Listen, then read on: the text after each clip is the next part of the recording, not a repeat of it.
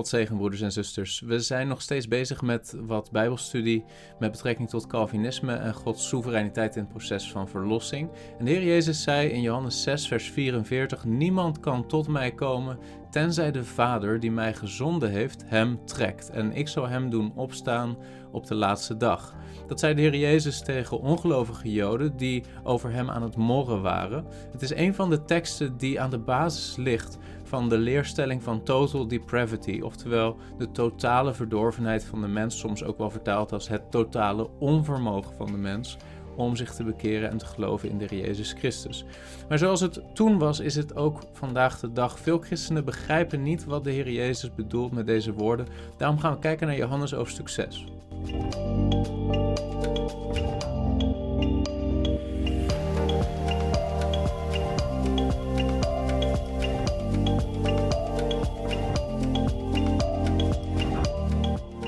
Hoofdstuk 6 van het Evangelie van Johannes begint eerst met de wonderbare spijziging. De Heer Jezus die voedt 5000 mannen met vijf broden en twee visjes. Overigens worden alleen de mannen geteld, maar waarschijnlijk waren er ook vrouwen, misschien wel evenveel. En heb je het dan over minimaal 10.000 mensen, uh, inclusief ook wel kinderen, misschien zelfs nog meer. En hij voedt deze enorme menigte, die kennelijk naar hem toe is gekomen, naar zijn onderwijs luistert, met vijf broden en twee visjes. En we lezen in Johannes 6 dat deze grote menigte Jezus eigenlijk volgde vanwege zijn tekenen aan de zieken, dat hij zieken genas. En dat wonder van die wonderbare spijziging, dat voerde hij uit aan de overkant van de zee van Galilea. Op een gegeven moment, nadat hij die wonderbare spijziging uitvoert, wil de menigte hem met geweld koning maken. En dan trekt de Heer Jezus zich terug en wandelt over de zee terug naar Capernaum. De discipelen gaan in een boot achter hem aan. Uiteindelijk komt de Heer Jezus ook aan boord van die boot. Uh, en we lezen dat de volgende dag de Heer Jezus in Capernaum is en de menigte hem weer gaat zoeken. Maar de Heer Jezus, in plaats van dat hij daar heel blij mee lijkt te zijn, bevraagt hun motivatie om hem te zoeken. We lezen in Johannes 6, vers 26. Jezus antwoordde hun en zei: Voorwaar, voorwaar, ik zeg u, u zoekt mij niet omdat u tekenen gezien hebt, maar omdat u van de broden gegeten hebt en verzadigd bent. Vers 27: Werk niet om het voedsel dat vergaat, maar om het voedsel dat blijft tot het eeuwige leven, tot in het eeuwige leven, dat de Zoon des Mensen u geven zal, want hem heeft God de Vader verzegeld. We lezen hier dat sommige mensen de Heer Jezus zochten uh, niet zozeer omdat ze zijn teken hadden gezien en daarmee tot de conclusie waren gekomen dat hij de Messias is en dat ze hem moesten volgen, hem moesten gehoorzamen, maar omdat de Heer Jezus aardse zegeningen kon produceren en schenken, zoals genezing, lichamelijke genezing, uh, voedsel, zoals bij die wonderbare spijziging. En de Heer Jezus bevraagt hun ware, diepste motivatie om naar hem toe te komen. Hij zegt: U zoekt mij niet omdat u tekenen gezien hebt, maar omdat u van de broden gegeten hebt en verzadigd bent. Met andere woorden, ze zochten opnieuw weer brood van de Heer Jezus om hun lichaam mee te voeden. En eh, dit is waarschijnlijk wel herkenbaar. Er zijn genoeg mensen die de Heer Jezus zoeken of hem volgen, omdat ze er zelf iets aards van verkrijgen of menen te verkrijgen. Maar de Heer Jezus is daar niet tevreden mee. Hij bevraagt hun diepste motivatie en geeft aan dat het de verkeerde motivatie is in dit geval. Want we lezen verder in Johannes 6 vanaf vers 28, daar zeggen deze ongelovige Joden, ze zeiden dan tegen hem, wat moeten wij doen, typoiomen, wat moeten wij doen, opdat wij de werken van God mogen verrichten? Jezus antwoordde en zei tegen hen, dit is het werk van God, dat u gelooft in hem die hij gezonden heeft. De, ongelovige Joden redeneren heel sterk vanuit hun eigen autonomie en vanuit hun eigen daadkracht. Wat moeten wij doen opdat we de werken van God mogen verrichten? Maar de Heer Jezus zegt het geloven in mij, het geloven in Hem die Hij gezonden heeft, die de Vader gezonden heeft, het geloven in de Zoon van God, is het werk van God. En daarmee is geloof, bijbels gezien, niet slechts een keuze die je maakt. Het is niet slechts een autonome keuze, een beslissing om te geloven in de Heer Jezus, maar er staat: dit is het werk van God. Dit is het werk van God, dat, dat u gelooft in Hem die Hij gezonden heeft. God bewerkt geloof in de harten van, ja, van wie? Dat zullen we verder ontdekken hier. Want de Heer Jezus gaat verder te zeggen: dat er een bepaalde groep mensen is die de Vader gegeven heeft aan de Zoon en die om die reden zal geloven in de Zoon. Dat zullen we zo zien. Maar we lezen in Johannes 6 vanaf vers 30, als we verder lezen. Ze zeiden dan tegen hem: Welk teken doet u dan, opdat wij het zien en u geloven? Wat voor werk verricht u? Onze vaderen hebben het mannen gegeten in de woestijn, zoals geschreven is: Hij gaf hun het brood uit de hemel te eten. En de Joden die, die zien dus geloven als een soort autonome keuze waarvoor zij meer bewijsmateriaal nodig hebben. Het is eigenlijk ongelooflijk dat ze net gezien hebben hoe de Heer Jezus een menigte van wellicht wel 10.000 mensen voedt met vijf broden en twee vissen. En dan toch hier opnieuw vragen: welk teken doet u opdat wij het zien en u geloven? En het probleem lijkt dus ook duidelijk niet te zijn dat ze meer bewijs nodig hadden. Het probleem lijkt te zijn dat hun hartsgesteldheid verkeerd is. Dat ze niet in staat zijn om te geloven in de Heer Jezus, ondanks het bewijs wat gegeven is. Het probleem is niet het bewijs. Dat is het overigens nog steeds vandaag de dag ook niet. Vers 32. Jezus dan zei tegen hen: Voorwaar, voorwaar, ik zeg u, niet Mozes heeft u het brood uit de hemel gegeven, maar mijn Vader geeft u het ware brood uit de hemel. Want het brood van God is Hij die uit de hemel neerdaalt en aan de wereld het leven geeft. Ze zeiden dan tegen hem: Heere, geef ons altijd dat brood. En hier, hier ontstaat opnieuw een soort misverstand. Hier lijken deze ongelovige Joden eigenlijk op een ander niveau te spreken, op een aardsniveau te spreken, terwijl de Heer Jezus op een, op een hemels en geestelijk niveau tot hen spreekt. Hij heeft het over het ware brood wat de Vader geeft. En dan bedoelt hij zichzelf. Hij, hij zegt min of meer: Jullie hebben mij harder nodig dan het brood voor je dagelijks leven om je lichaam te onderhouden. Meer dan dat heb je het ware brood nodig. Ik ben de persoon die jij nodig hebt om gered te worden, om te leven, om het leven te ontvangen. Maar de Joden blijven op dat aardse niveau hangen. En, en ze verstaan dan ook in deze woorden van de Jezus dat Hij als het ware hun voedsel kan geven, waardoor ze geen brood meer nodig hebben. En dan zeggen ze: Heer, geef ons altijd dat brood. En dit is een thema wat we vaker terug zien komen in het Johannesevangelie. Dat er spraakverwarring is tussen de Heer Jezus. Dat de Heer Jezus spreekt over een geestelijke realiteit. Maar dat de persoon met wie de Heer Jezus spreekt het vleeselijk of materieel interpreteert. interpreteert. Er is een spraakverwarring. Dit zien we overigens ook bijvoorbeeld bij Nicodemus. Nicodemus die, wanneer de Heer Jezus spreekt over opnieuw geboren worden, dat op een letterlijke manier interpreteert in plaats van een geestelijke manier. Of de Samaritaanse vrouw die, wanneer de Heer Jezus spreekt over levend water, wat hij haar zou kunnen geven, het interpreteert als letterlijk water. Maar het gaat in dit geval ook niet om letterlijk brood, om, om, om materieel brood, om voedsel. Het gaat om het beeld van de totale afhankelijkheid en de noodzaak van de mens om tot Christus te komen, om in Hem te geloven, om geestelijk leven te ontvangen en, in de context van het Evangelie, om gered te worden. Er is geen redding buiten Christus. Lezen we dan verder vanaf vers 35, dan lezen we: En Jezus zei tegen hen: Ik ben het brood des levens. Wie tot mij komt, zal beslist geen honger hebben. En wie in mij gelooft, zal nooit meer dorst hebben. Maar ik heb u gezegd dat u mij wel gezien hebt, en toch gelooft u niet. Alles wat de Vader mij geeft, zal tot mij komen. En wie tot mij komt, zal ik beslist niet uitwerpen ik, ik wil je iets um, laten zien, dat, dat iets hier opvalt. En het is belangrijk om de rest van wat de Heer Jezus gaat zeggen goed te begrijpen. Maar hij zegt, wie tot mij komt, zal beslist geen honger hebben. En wie in mij gelooft, zal nooit meer dorst hebben. En dit is een, dit is een parallelle uitspraak in de zin dat de Heer Jezus met wie tot mij komt hetzelfde bedoelt te zeggen als wie in mij gelooft. Tot hem komen, in de bewoording van de Heer Jezus, betekent in hem geloven op een waarachtige manier. En daarom zegt de Heer Jezus, wie tot mij komt, zal beslist geen honger hebben.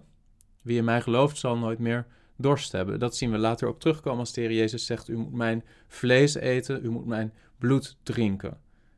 Ook dat is symbolische taal die te maken heeft met geloof in de Heer Jezus.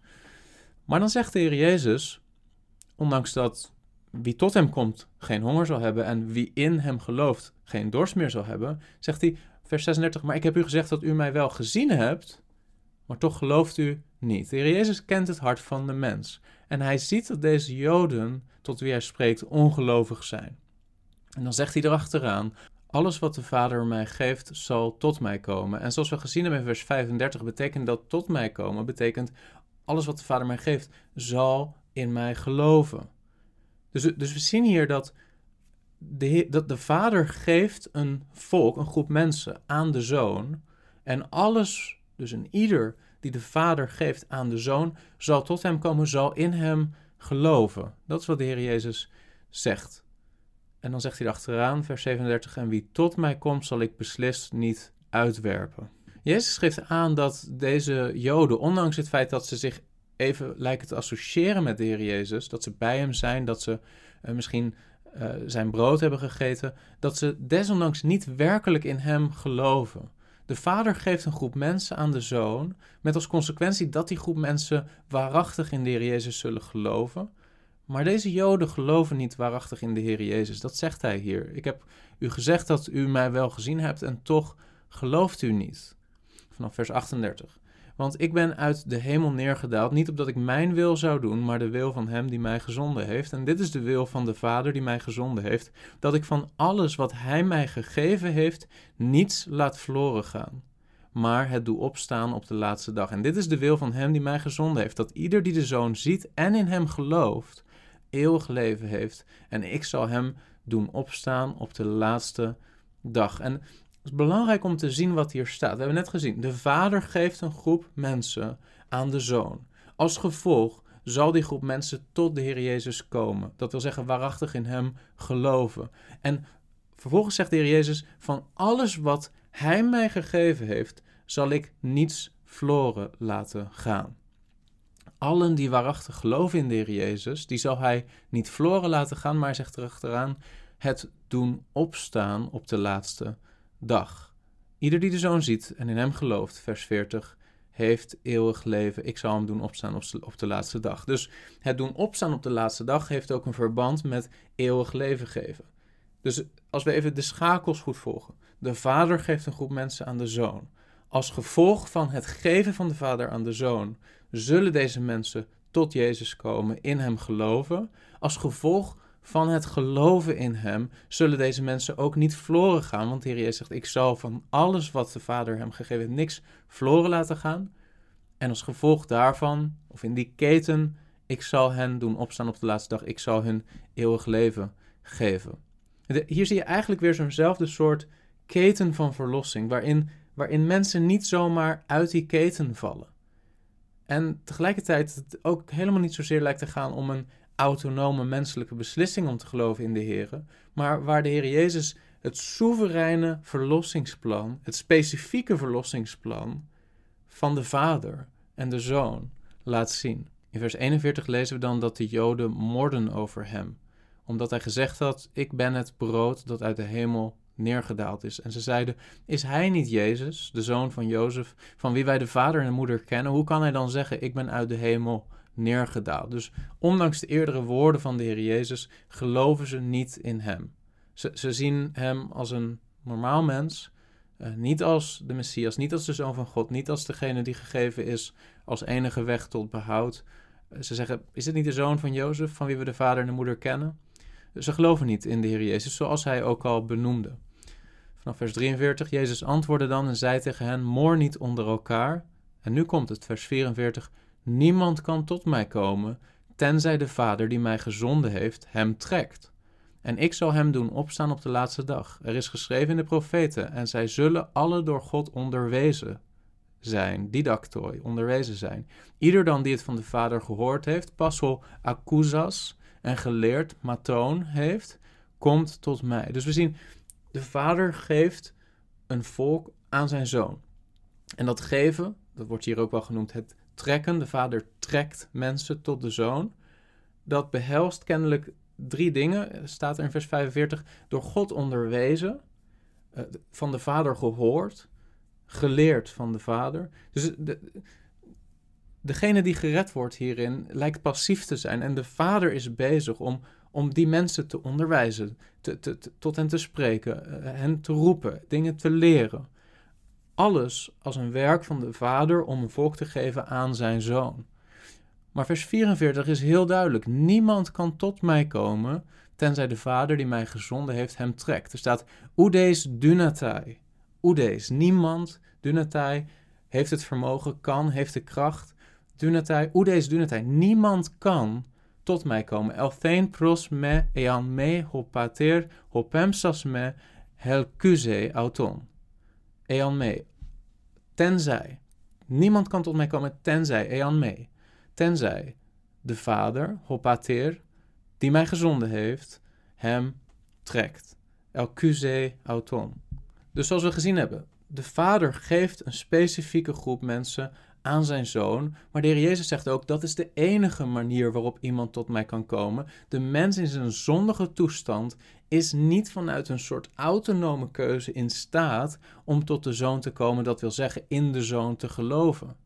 Het is niet simpelweg een beslissing. Het is, het is voor de zondaar in Adam is het iets wat afwijkt van zijn natuur om tot de Heer Jezus te komen. En er is dus een bovennatuurlijke interventie nodig voor die stap. En dat is wat de Heer Jezus zegt. Niemand kan tot mij komen, tenzij de Vader die mij gezonden heeft hem trekt. En we hebben al gezien, het gevolg van de Vader die de mens trekt tot Christus is dat de mens zal geloven in hem, dat Christus die mens zal bewaren en zal opwekken op de laatste dag.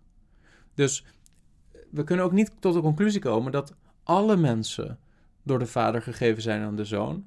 Want dat zou tot, leiden tot universalisme. Dat zou leiden tot een onvermijdelijke conclusie dat daarmee ook alle mensen het eeuwig leven zouden ontvangen. Alle mensen opgewekt zouden worden op de laatste dag en daarmee behouden zouden worden. En we zien in de context van de schrift dat dat niet juist is. Er is een specifieke groep mensen, de uitverkorenen, de geroepenen, die de Vader geeft aan zijn Zoon. En buiten die groep zal niemand in Christus gaan geloven. Dat is wat de Heer Jezus zegt. Niemand kan tot mij komen, tenzij de Vader die mij gezonden heeft hem trekt. En we lezen in vers 47, voor waar, voor waar, ik zeg u, wie in mij gelooft, heeft het eeuwige leven. Vers 53, Jezus dan zei tegen hen, voor waar, voor waar, ik zeg u, als u het vlees van de Zoon des Mensen niet eet en zijn bloed niet drinkt, hebt u geen leven in uzelf. En als we dat verbinden overigens met vers 35, dan begrijpen we dat dat eten van het vlees van de Heer Jezus Christus en het drinken van het bloed uh, waarschijnlijk niet zozeer betrekking heeft op de communie, zoals de katholieke kerk dat onderwijst, of het avondmaal. Dat is een symbolische handeling die wel raakt aan deze verse, maar dat is niet de realiteit van wat de Heer Jezus wil zeggen met deze geestelijke taal. Wat hij zegt is: het vlees van de zoon des mensen eten, zijn bloed drinken, dat wil zeggen geloven in hem, komen tot hem en waarachtig geloven in hem. Erkennen dat hij degene is die je nodig hebt voor je verlossing en dat je zonder hem geen hoop hebt. Hij is onze enige hoop. Wij moeten zijn vlees eten, zijn bloed drinken. Vers 54, wie mijn vlees eet en mijn bloed drinkt, heeft eeuwig leven en ik zal hem doen opstaan op de laatste dag. We lezen tot slot nog eh, een aantal versen daarna, want dat wat de Heer Jezus hier zegt is confronterend en is hard. Het was hard in die tijd allereerst omdat de Heer Jezus zichzelf duidelijk neerzet als de exclusieve weg tot de Vader en tot behoud. Maar het is ook aanstootgevend omdat de Heer Jezus in feite zegt: Je bent vanuit je autonome menselijke wil niet in staat om tot mij te komen, in mij te geloven. De Vader moet een werk doen. En als de Vader dat niet doet, dan kun je niet in mij geloven, dan kun je niet tot mij komen. Dat is ook een aanstootgevende boodschap. En we lezen dan ook in vers 60 dat vele van zijn discipelen die dit hoorden, zeiden: Dit woord is hard, wie kan het aanhoren? En ook vandaag de dag is dit een aanstootgevende boodschap. Het evangelie is aanstootgevend, maar ook het aspect van Gods soevereiniteit in het evangelie is aanstootgevend. Vers 61. Maar omdat Jezus bij zichzelf wist dat zijn discipelen daarover moorden, zei hij tegen hen: Neemt u hier aanstoot aan? En als u de zoon des mensen nu eens zou zien opvaren naar de plaats waar hij eerder was. Met andere woorden, wat als je zou beseffen wat mijn gezag is? Wat als je zou beseffen de soevereiniteit die gepaard gaat met mijn zoon zijn van de levende God? Mijn goddelijkheid, mijn hemelsheid, mijn oorsprong, en de plek waar ik weer naartoe ga. Vaak beseffen we niet wie de Heer Jezus Christus waarachtig is en wie God waarachtig is en wat zijn soevereiniteit betekent. 63. De geest is het die levend maakt. Het vlees heeft geen enkel nut. De woorden die ik tot u spreek zijn geest en zijn leven. Maar er zijn sommigen onder u, let goed op, er zijn sommigen onder u die niet geloven. Want Jezus wist van het begin af wie het waren die niet geloofden en wie het was die hem zou verraden. En hij zei: Daarom heb ik u gezegd dat niemand tot mij kan komen, tenzij het hem door mijn Vader gegeven is. De heer Jezus herhaalt nogmaals het punt. En nu misschien nog duidelijker dan daarvoor, in de context van het feit dat er sommigen zijn in de menigte van mensen die zich associëren met de Heer Jezus op dat moment in de tijd, die niet geloven. En de Heer Jezus ziet hun hart. En hij zegt, daarom heb ik u gezegd dat niemand tot mij kan komen. Dat wil zeggen, niemand kan in mij geloven, tenzij het hem door mijn Vader gegeven is. Van toen af, vers 66, trokken vele van zijn discipelen zich terug en gingen niet meer met hem mee.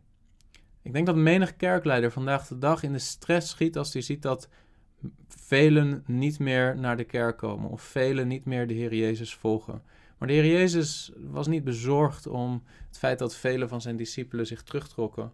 We moeten nooit de waarheid, nog de waarheid van het evangelie, nog de waarheid van Gods soevereiniteit in het proces van verlossing logenen, omdat we daarmee meer mensen achter de Heer Jezus aan kunnen trekken. Dat deed de Heer Jezus zelf niet en dat zouden wij ook niet moeten doen. Velen gingen niet meer met hem mee. Vers 67, Jezus dan zei tegen de twaalf, wilt u ook niet weggaan? Simon Petrus dan antwoordde hem, Heren, naar wie zullen wij heen gaan? U hebt de woorden van eeuwig leven. En wij hebben geloofd en erkend dat u de Christus bent, de Zoon van de levende God. Jezus antwoordde hun, heb ik u, de twaalf, niet uitgekozen? En een van u is, de is een duivel. Hij doelde op Judas Iscariot, de zoon van Simon, die zou hem verraden. Een van de twaalf. Er is een heel duidelijk keten zichtbaar in de tekst. Nogmaals, allen die gegeven zijn door de Vader aan de Zoon, die zullen één tot hem komen, wat wil zeggen in hem geloven, met een waarachtig geloof, vers 37. Ten tweede, de zoon zal hen niet verloren laten gaan, niemand van hen. Dat lezen we in vers 39. En dezezelfde groep heeft het eeuwige leven en de zoon zal deze groep doen opstaan op de laatste dag. Niemand kan tot de zoon komen, vers 43, of in hem geloven, vers 65, tenzij de vader hem of haar trekt en het aan die persoon geeft. Die, die boodschap is misschien aanstootgevend, maar dit is duidelijk wat de Heer Jezus zegt in Johannes hoofdstuk 6. En dit ontslaat ons overigens totaal niet van de verantwoordelijkheid die we hebben om ons te bekeren en te geloven in de Heer Jezus Christus. De Bijbel draagt jou op om je te bekeren van je zonde en je geloof te stellen op de Heer Jezus Christus als de volmaakte redder.